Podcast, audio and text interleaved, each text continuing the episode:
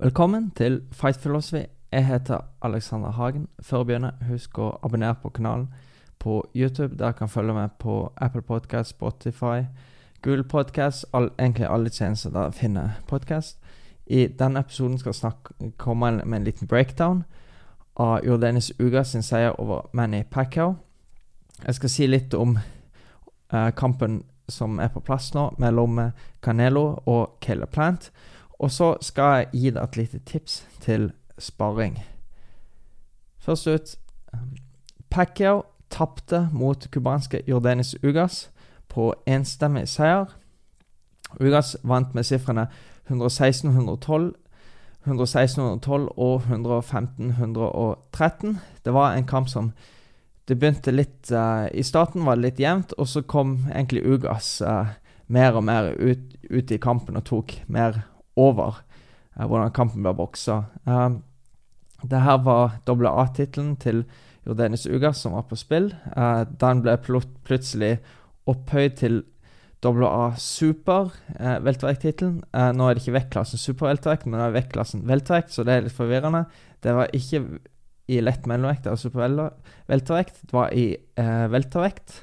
Men det er supertittelen til AA. De har jo WA regular eller vanlig tittel, Det har interimtittel, og det har supertittel. Um, ja Jeg skal ikke gå ut på en lang tirade om hva forskjellen på de, for alle de forskjellige titlene er. Men det er iallfall den gjeveste tittelen i forbundet WBA.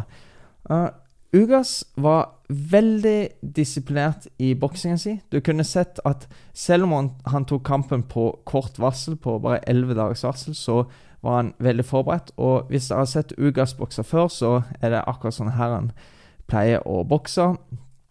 Han eh, var litt utradisjonell.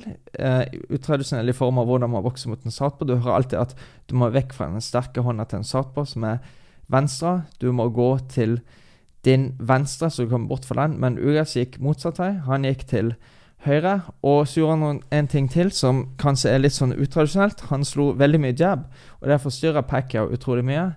Uh, det kan ofte være litt sånn ekkelt og vanskelig å slå en jab mot en southpaw. Hvis du har to ortodokse, så er det lettere. Men eh, hvis du har ortodoks mot uortodoks southpaw, så tilsvarer på en måte nesten en høyre kryss en jab. Ikke helt det samme, men det kommer på en måte på blir slått fra samme sted som en jab når du er ortodoks mot ortodoks. Så eh, han var veldig aktiv med jabben sin. Den forstyrrer Pacquiao veldig mye. Han hadde en del forskjellige looks som gjorde at uh, Pacquiao måtte gjøre justeringer hele tiden, og ble veldig sånn uh, Du så han Det ble en sånn tenkende kamp som ikke passa Pacquiao helt. Han hadde på en måte en sånn høy guard, high guard. Han lå litt frampå. Uh, fikk Pacquiao til å gjøre ting. Uh, og han hadde en litt mer tradisjonell guard, hvor han lå med venstre ute. Og så tok han også Flytta hun noen ganger og finta mye.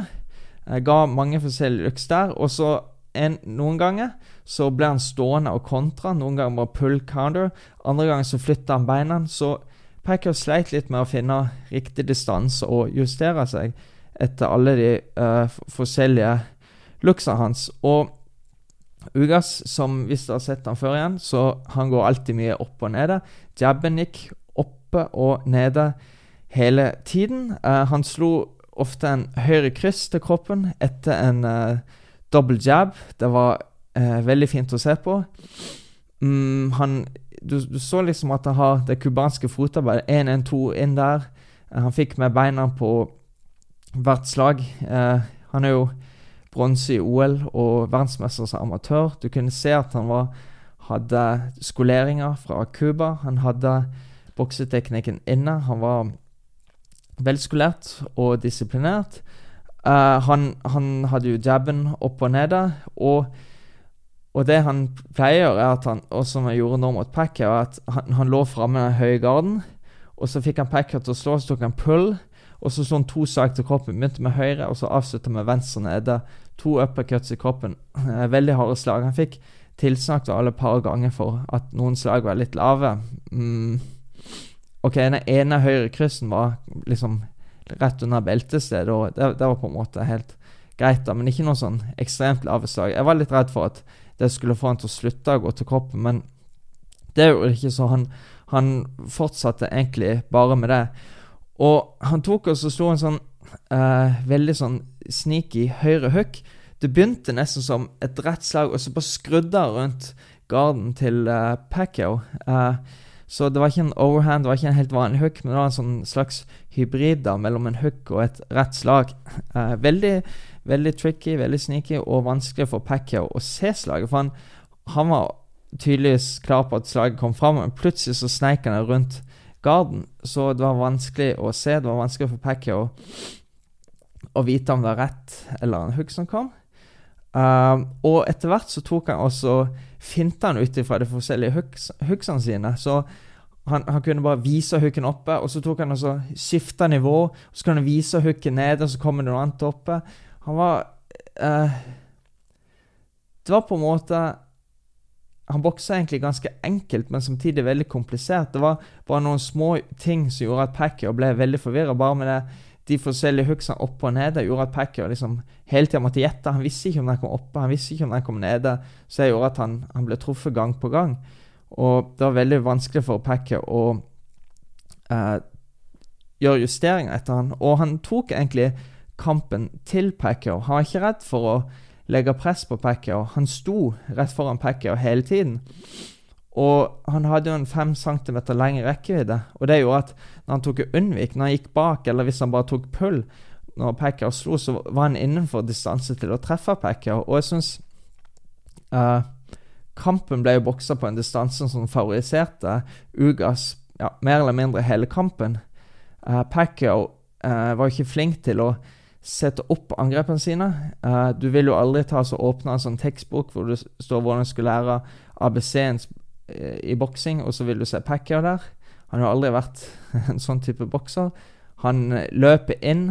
Uh, han løp, Som Teddy Atle sier, så løper han på mange røde lys og slipper unna med det. Nå slapp han ikke unna med det like mange ganger. Han uh, ja, forberedte ikke så mye. Han bare løper rett inn, og der var Ugas altfor skolert og disiplinert og straffa han uh, gang på gang. Mm, Pacquiao hadde som vanlig høyere aktivitet. Eh, det pleier han å ha i kampene sine. Men han var ikke så presis. Han traff eh, langt fra like mye som Ugas. Eh, det, det, var litt sånn For noen dommere så kan det virke litt sånn mm, Det er lett å bli revet med hvis du ser en har slår en sånn fem-seks lagserie og det er ikke alltid lett å se hva treffer og hva treffer ikke. Men de fleste slagene traff jo ikke da. Men noen ganger så er det lett for dommere å bli litt revet med og si Oi, han der prøver i hvert fall. Han, han, slår flest slag. Så det er lett å gi runden til den, den bokseren. Men heldigvis så uh, Det var veldig erfarne dommere som var der. De har dømt veldig mange store kamper før i Vegas. Og de hadde det egentlig helt riktig. Nå satt ikke jeg og skåret runde for runde, men jeg følte at 8-4 og 7-5 Det var på en måte helt innafor. Det var ikke en overlegen seier til Ugas, men det var en komfortabel seier til han. Mm, og jeg syns Pacquiao er jo 42 år gammel nå. Og sist var han 40 år da han boksa mot Keith Thurman og vant på poeng, split decision. Da så Packer veldig bra ut. Men jeg syns den største forskjellen nå var at han hadde ikke de samme bena som før. Og måten han har boksa på, har alltid vært veldig avhengig av det raske fotarbeidet. Han har alltid vært veldig rask inn, og han har vært veldig rask ut på sidene. Og jeg syns kanskje der merker du størst forskjell i forhold til at det er nå et bein var tregere enn før. Men han brukte ikke samme sidebevegelsene som han har gjort før. Han gikk rett inn, og så skjedde ikke så mye mer enn det. Han løp rett inn, ble truffet på veien, var ikke like rask inn som før. Og da han kom inn, så gikk han ikke ut på sidene. Så det var litt sånn keitete. Han bare løp inn, dårlig balanse. Uh, var nede i canvasen en gang bare fordi han snubla og ble dytta litt ned. Uh, du, du, kunne tydelig se at det var en markant endring i fotarbeidet hans. Og han sa jo sjøl i uh, intervjuet etter kampen at uh, han fikk krampe i beina sine i andre runde og utover i kampen. Mm, det kan jo ha vært en medvirkende faktor. Nå husker jo sist uh, han kom med en slags sånn Unnskyld, Han sa det var ikke for å liksom, Not to make any excuses og sånn, men det, det, blir jo uansett en slags unnskyldning. da. Sist han lagde unnskyld, var jo skulderen sin da møtte, møtte Floyd Mayweather. Og han brukte jo armen fint for det. Men jeg, jeg vet ikke, altså. Nå, ikke, han sa han har løpt veldig mye, men han har alltid løpt mye. så. Men kanskje ikke kroppen er helt det samme med den type treninger når han er 42 år. Hvem vet? Uh, det så i hvert fall ikke helt ut som det har gjort uh, tidligere. Uh, men det som Der jeg ikke kunne se en sånn stor endring, var egentlig armen hans. slagene hans. Han var fortsatt rask og eksplosiv som før. Han hadde jo klarte å holde en veldig høy aktivitet. Det virka jo ikke som han var i dårlig form, tross 42 år. Mm. Nå er det jo sånn at folk blir jo eldre og eldre i idrett generelt, og det er jo mye mer kunnskap nå om trening og ernæring og restitusjon. Så folk tar jo alltid og pusser alderen mer og mer. Så 42 er jo ikke så gammelt nå i boksing, men en, en, klasse som weltervekt, så er det jo en markant forskjell kontra en klasse som eller tungvekt, cruiser eller tungvekt, hvor folk er litt større, og tyngre og ikke like raske. Så lettere vektklassen setter helt klart større krav til hurtighet og reflekser og sånn. Men eh, jeg syns armene hans var raske. Det gikk sånn trommestikke. Men det var på en måte bare beina som eh, ikke var helt det samme som Altså tidligere, iallfall. Og han sa òg i intervjuet etter kampen at han var usikker på om han skulle legge opp eller ikke. Han, det er alltid dumt å ta en sånn avgjørelse rett etter en kamp, for det er veldig mye følelser involvert. Det er lett å snakke i affekt. Eh, han skulle ta så komme seg hjem og hvile eh, før han skulle ta en avgjørelse. Og jeg tenker sånn, Burde han legge opp eller ikke? Han fortsatt, holder fortsatt et utrolig høyt nivå i den vektklassen. Men jeg syns med den store karrieren han har hatt, hva mer kan han oppnå, liksom? Og de andre i den vektklassen er veldig, veldig tøffe. Det er en av de tøffeste vektklassene i boksing. Mm, så jeg tror for han å fortsette i, i veltervekt framover, i en alder av 42 år, hvor han har så mye andre politiske ting på gang, tror jeg blir er veldig vanskelig. Så jeg syns han har hatt en fin karriere. Jeg syns han egentlig bør um, gi opp nå, eh, legger opp nå, syns jeg. Uh, og jeg syns han skal være glad for at det ikke Errol Spence han møtte. For OK, jeg sier ikke at Spence er tusen ganger bedre enn Ugas, men jeg syns til nå så har han vist et høyere nivå og en mye mer offensiv og aggressiv stil. Og jeg tror at hvis Pacquiao hadde møtt Spence på lørdag, da hadde Pacquiao blitt stoppa før full tid. Uh, men uh, så er spørsmålet er Spence 100 etter den uh, bilulykka si. Han var jo Ja, det skjedde jo så Jeg vet ikke om dere så den bilulykka, men den bilen bare fløy rundt veldig mange ganger, og det er utrolig at han i det hele tatt overlevde. Han fikk jo bare noen skader i Han knakk kjeven og noen tenner litt forskjellige ting i ansiktet sitt, men uh, det, var, det, var, jo ikke noe voldsomme ting. Um, og det her gjør jo liksom uh, Ugas har en veldig stor fremtid. Mm, han er 35 år. Mange hadde jo ikke regna med at han skulle vinne, bare fordi han hadde fire tap fra før Han starta karrieren sin med 15 seire og tre tap. Var borte et par år, gjorde noen endringer, kom tilbake. Vant veldig mange kamper. Tapte WC-VM-kamp mot Sean Porter, en kamp jeg syns han egentlig vant ganske klart. Tapte på split decision. Mm, og det her var jo enda en kamp. Det, det, det har skjedd så mange ganger i karrieren til, til nå, at han tar kamper på kort varsel. Han bare møter opp. Og denne kampen tok han på elleve dagers varsel. Men til For å forsvare det, så var han i camp. Han, han skulle bokse på underkardet mot Fabian Maidana, heter han. Og han var i form, så han forberedte seg ut av en kamp, så han var i treningsserie. Han måtte bare gjøre justeringer i forhold til at Plutselig skulle han møte han Satpo, men han har møtt Satpo før. Og han er vant med å gjøre justeringer på kort tid. Han har jo cubanske Ismael Salas hjørne, som ja, er veldig bra fra Cuba. Um, og de har kommet med en veldig god gameplan. Um, og nå Ja, jeg syns det er litt kult for Ugas, for nå, har jo han, nå kan han bli en veldig stor stjerne. Uh, men vektklassen weltervekt er jo som sagt utrolig vanskelig. Du har jo Errol Spence som har en tittel der. Crawford har en tittel. Mm, og Uga sa at han ville møte Spence i sin neste kamp, men så er spørsmålet hvor lang tid trenger Spence på å komme seg etter den riften i netthinnen? Nå er det endelig klart at Canelo skal møte Caleb Plant allikevel. Det blir 6.11.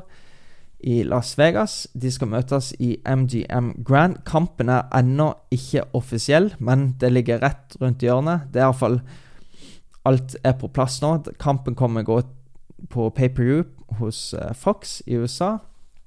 Mm, det var jo snakk om at de skulle møtes i september, og så ble det ingenting av det. Og så og så sier uh, Caleb Plant at han skal bokse uh, i oktober på undercardet mellom uh, Fury Violet 3, og så skulle uh, Canelo heller bokse i november.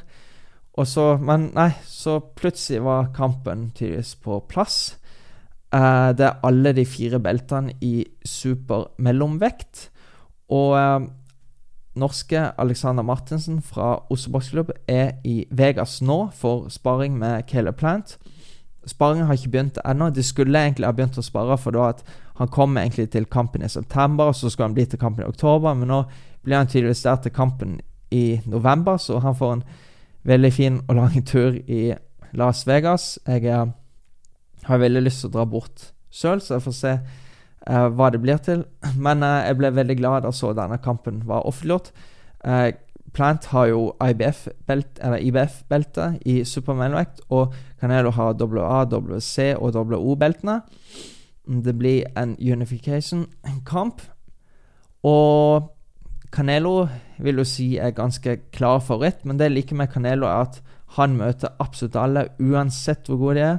Han er villig til å sette alt på spill. Eh, han vil bare møte de beste, og ikke ha noe sånn Ja, nå møtte han jo Avni Gildrim og hatt noen kamper som har litt etter, men uansett så har han veldig høy aktivitet hele tiden. Han er i ringen, du ser han hele tiden, for det som du kan si er dumt med som boksinger i dag, er at hvis du er verdensmester, så bokser du maks. Du bokser maks to ganger i året. Eh, kanskje du bokser bare én gang i året. Og det blir og man tar på en måte og glemmer bokseren innimellom. Med mindre du er en sånn hardcore fan som meg, som følger med hele tiden, så er det lett for folk å bare glemme hvem det er. Så Canelo er en som er i ringen ganske ofte. Han er i ringen hyppig. Så Værmannsen får med seg hvem det er. De ser han er i ringen. Uh, Caleb Plant kom inn med uh, ubeseira. Mm, jeg tror han er 21-0 med 12 knockouts. Han uh, er veldig velskulert bokser. Han bokser med venstre litt nede. Ikke akkurat slags Ikke fillishell, men ja, han bruker litt solo defense. Uh, Canelo bør definitivt passe seg mest for hans venstre hook. Uh, Plant slår ikke så mange slag med høyreside. Han slår noen overhands. Uh, mest trygg med jabben og venstrehooken sin. Veldig rask venstrehook. Ganske bra forsvar. Ikke så veldig sterk fysisk. Mm, men veldig sånn uh, slikk i forsvaret. Eh, vanskelig å treffe rent. Canelo kommer til å få bruk for uh, bokseferdighetene sine. Han var smart for å sette opp slag. Han treffer ikke bare Caleb Plant uten videre. Jeg tror det blir en slags eh, ganske teknisk kamp i starten, og så kommer sikkert eh, Canelo til å ta over mer og mer etter hvert i kampen. Og så helt til slutt så har jeg bare lyst til å komme med et lite tips der jeg kan ta med dere inn i sparring. Et lite tips der jeg kan ta med dere kanskje neste gang der skal bokse kamp. Og mm, for noen ganger når man bokser, noen ganger når du sparrer, så er det veldig vanskelig. Det er jo ikke lett å bokse, og det kan være veldig frustrerende, spesielt hvis ingenting fungerer. Du klarer ikke å treffe, du blir truffet tilbake, du får ikke til noen ting, og da begynner hodet bare å gå, du begynner å tenke, du vet ikke hva du skal gjøre. Og det blir bare mer og mer vanskelig, og blir bare, du blir mer frustrert, og du får til mindre og mindre ting. Og det jeg alltid gjør når jeg bokser med noen, er at jeg bryter ned hver enkelt ting. Jeg er veldig observant, jeg får med meg hva motstanderen min gjør, og så bryter jeg ned hva det er, og så, og så komme med liksom et motsvar med hva kan jeg gjøre mot det. For si at motstanden slår en bra jab. Da må man ta bort jabben.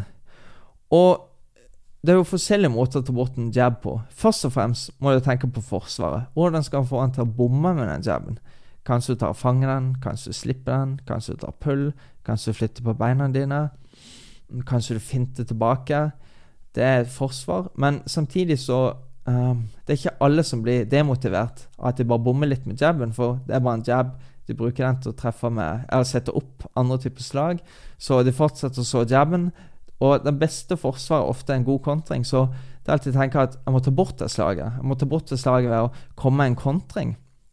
Så en god kontring for en jab kan f.eks. være jab tilbake. Det er ikke farlig å jabbe med en jabber. Du kan så høyre kryss over. Du må få respekt til motstanderen. Og så kan du si treffer bra med Der har du jabben. Neste, da. Treffer bra med en høyre kryss. Da må du ta bort høyre kryssen. Hvordan gjør du det? Jo, kanskje du skal fange den eh, med din venstre, og så slå en høyre kryss tilbake. Kanskje du skal ta rulle litt med skuldre. Kanskje du skal slippe, svare med venstre. Ja, hvis du ruller med skuldre, kan du svare med uppercut eller høyre kryss. Du må ha en eh, god kontring. Eh, hva om man treffer med uh, venstreryggen sin? Kanskje må fange den. Kanskje må ta altså pullehøk, så med venstre rygg tilbake. Kanskje må rulle unna, så høyre over. Uh, og hva om man motstanderen går mye ut til høyre side? Kanskje må skjære ringen, treffe med venstre hugg. Demotivere fra, fra, demotiverer han fra å gå til sin høyre. Uh, flytter han hodet mye? Kanskje du skal slå jabben i brystet. Det er lettere å treffe brystet eller lettere å treffe kroppen enn hodet. Kanskje du skal gå litt til kroppen. Hodet står Hodet flytter seg veldig mye, mens kroppen står stille. Så det, kroppen er et mye større mål. Kanskje det får motstanderen til å slutte å, å flytte hodet så mye. Og det handler om at uh, du skal ta bort hvert enkelt våpen motstanderen har. Du skal ta bort jabben, du skal ta bort hooken, ta bort høyrekryssen. Du skal ta bort uh, fotarbeidet. Du skal ta bort hodebevegelsen. Hvis du bryter ned hver enkelt ting, så kan du gjøre noe med det. Du tar bort våpenet hans, og så får du motstanderen til å begynne å tvile litt. Uh, for du skal bestemme. Motstanderen må justere seg etter hva du gjør. Motstanderen må tilpasse seg etter deg, og derfor må du lære deg spesifikke verktøy for å nøytralisere motstanderen. Um, du må lære deg verktøy som får deg til å bokse på en måte hvor motstanderen må tilpasse seg deg. Motstanderen tilpasser seg hvordan du bokser, for det er du som er sjefen i ringen. Det er du som bestemmer. Uh, og for du må jo få boksinga til å være sånn du vil. Du må få motstanderen til å bokse på dine premisser og få det til å bli en kamp som passer deg. Og hvordan får du til det? Jo, det krever jo forståelse og ikke minst kunnskap. Men det får du ved å studere sporten med et åpent sinn. Gå inn på YouTube, se på video, se på kanalen min. Eh, se på kamper, lær litt, hør hva kommentatorene sier. Det er masse bra kommentatorer i USA, så hvis man følger med en stund, så lærer man litt der. Du må være åpen og ha en evne til å ta inn ny informasjon. Ikke tenke at 'Nei, jeg vet alt best sjøl', eller 'Nei, det er sånn det funker'. Må, mm, jeg har alltid veldig Jeg har jo sterke, mange sterke meninger i boksing, men samtidig alltid veldig åpen og åpen for å høre hva andre mener. Åpen for å ta inn ny informasjon. Åpen for å se ting fra et annet perspektiv som jeg ikke er vant med å se det for sjøl. Uh, eh, for når du er i ringen, så rekker du ikke å tenke Uh, alt du gjør i ringen, er egentlig bare innøvde bevegelser. Men når du har nok ro, og når du har nok erfaring, så kan du kjøpe deg litt tid. Du kjøper den tiden du trenger før du, før du må reagere. Da vil du oppleve at alt i ringen går saktere. Og det blir ikke lenger så overveldende når motstanderen så masse slag mot deg. Du rekker å reagere på riktig måte. Det er akkurat sånn Når du begynner å bokse, så blir det sånn panisk når motstanderen slår mot deg. Du trekker det unna, lukker øynene dine, strekker ut armene dine. Du vet ikke helt hva som skjer. Men når du er nok erfaren, så skjønner du at det her er ikke farlig. Er trygg og komfortabel i denne situasjonen. Jeg klarer å se slagen komme. Jeg vet hva som gjør. Jeg klarer å unnvike slagene. Jeg klarer å blokke de, jeg klarer å kontre. Så ta og studer sporten mer. Ta og Gå ut, lær litt mer om boksing. Ha et åpent sinn. Ta inn ny informasjon. Kanskje du finner noe som passer deg veldig. Uh, fortsett å trene boksing. Du må få mer erfaring, så vil du bli enda mer rolig og trygg i en veldig stressende situasjon. Jeg vil takke så mye for at dere så på eller hørte på. Husk å abonnere på kanalen på YouTube. Dere kan følge med på Apple Podcast, Google Podcast og Spotify og alle tjenester hvor dere får podkast. På Apple Podcast kan dere legge igjen femstjerners anmeldelse. Takk for at dere fulgte med. Vi ses snart.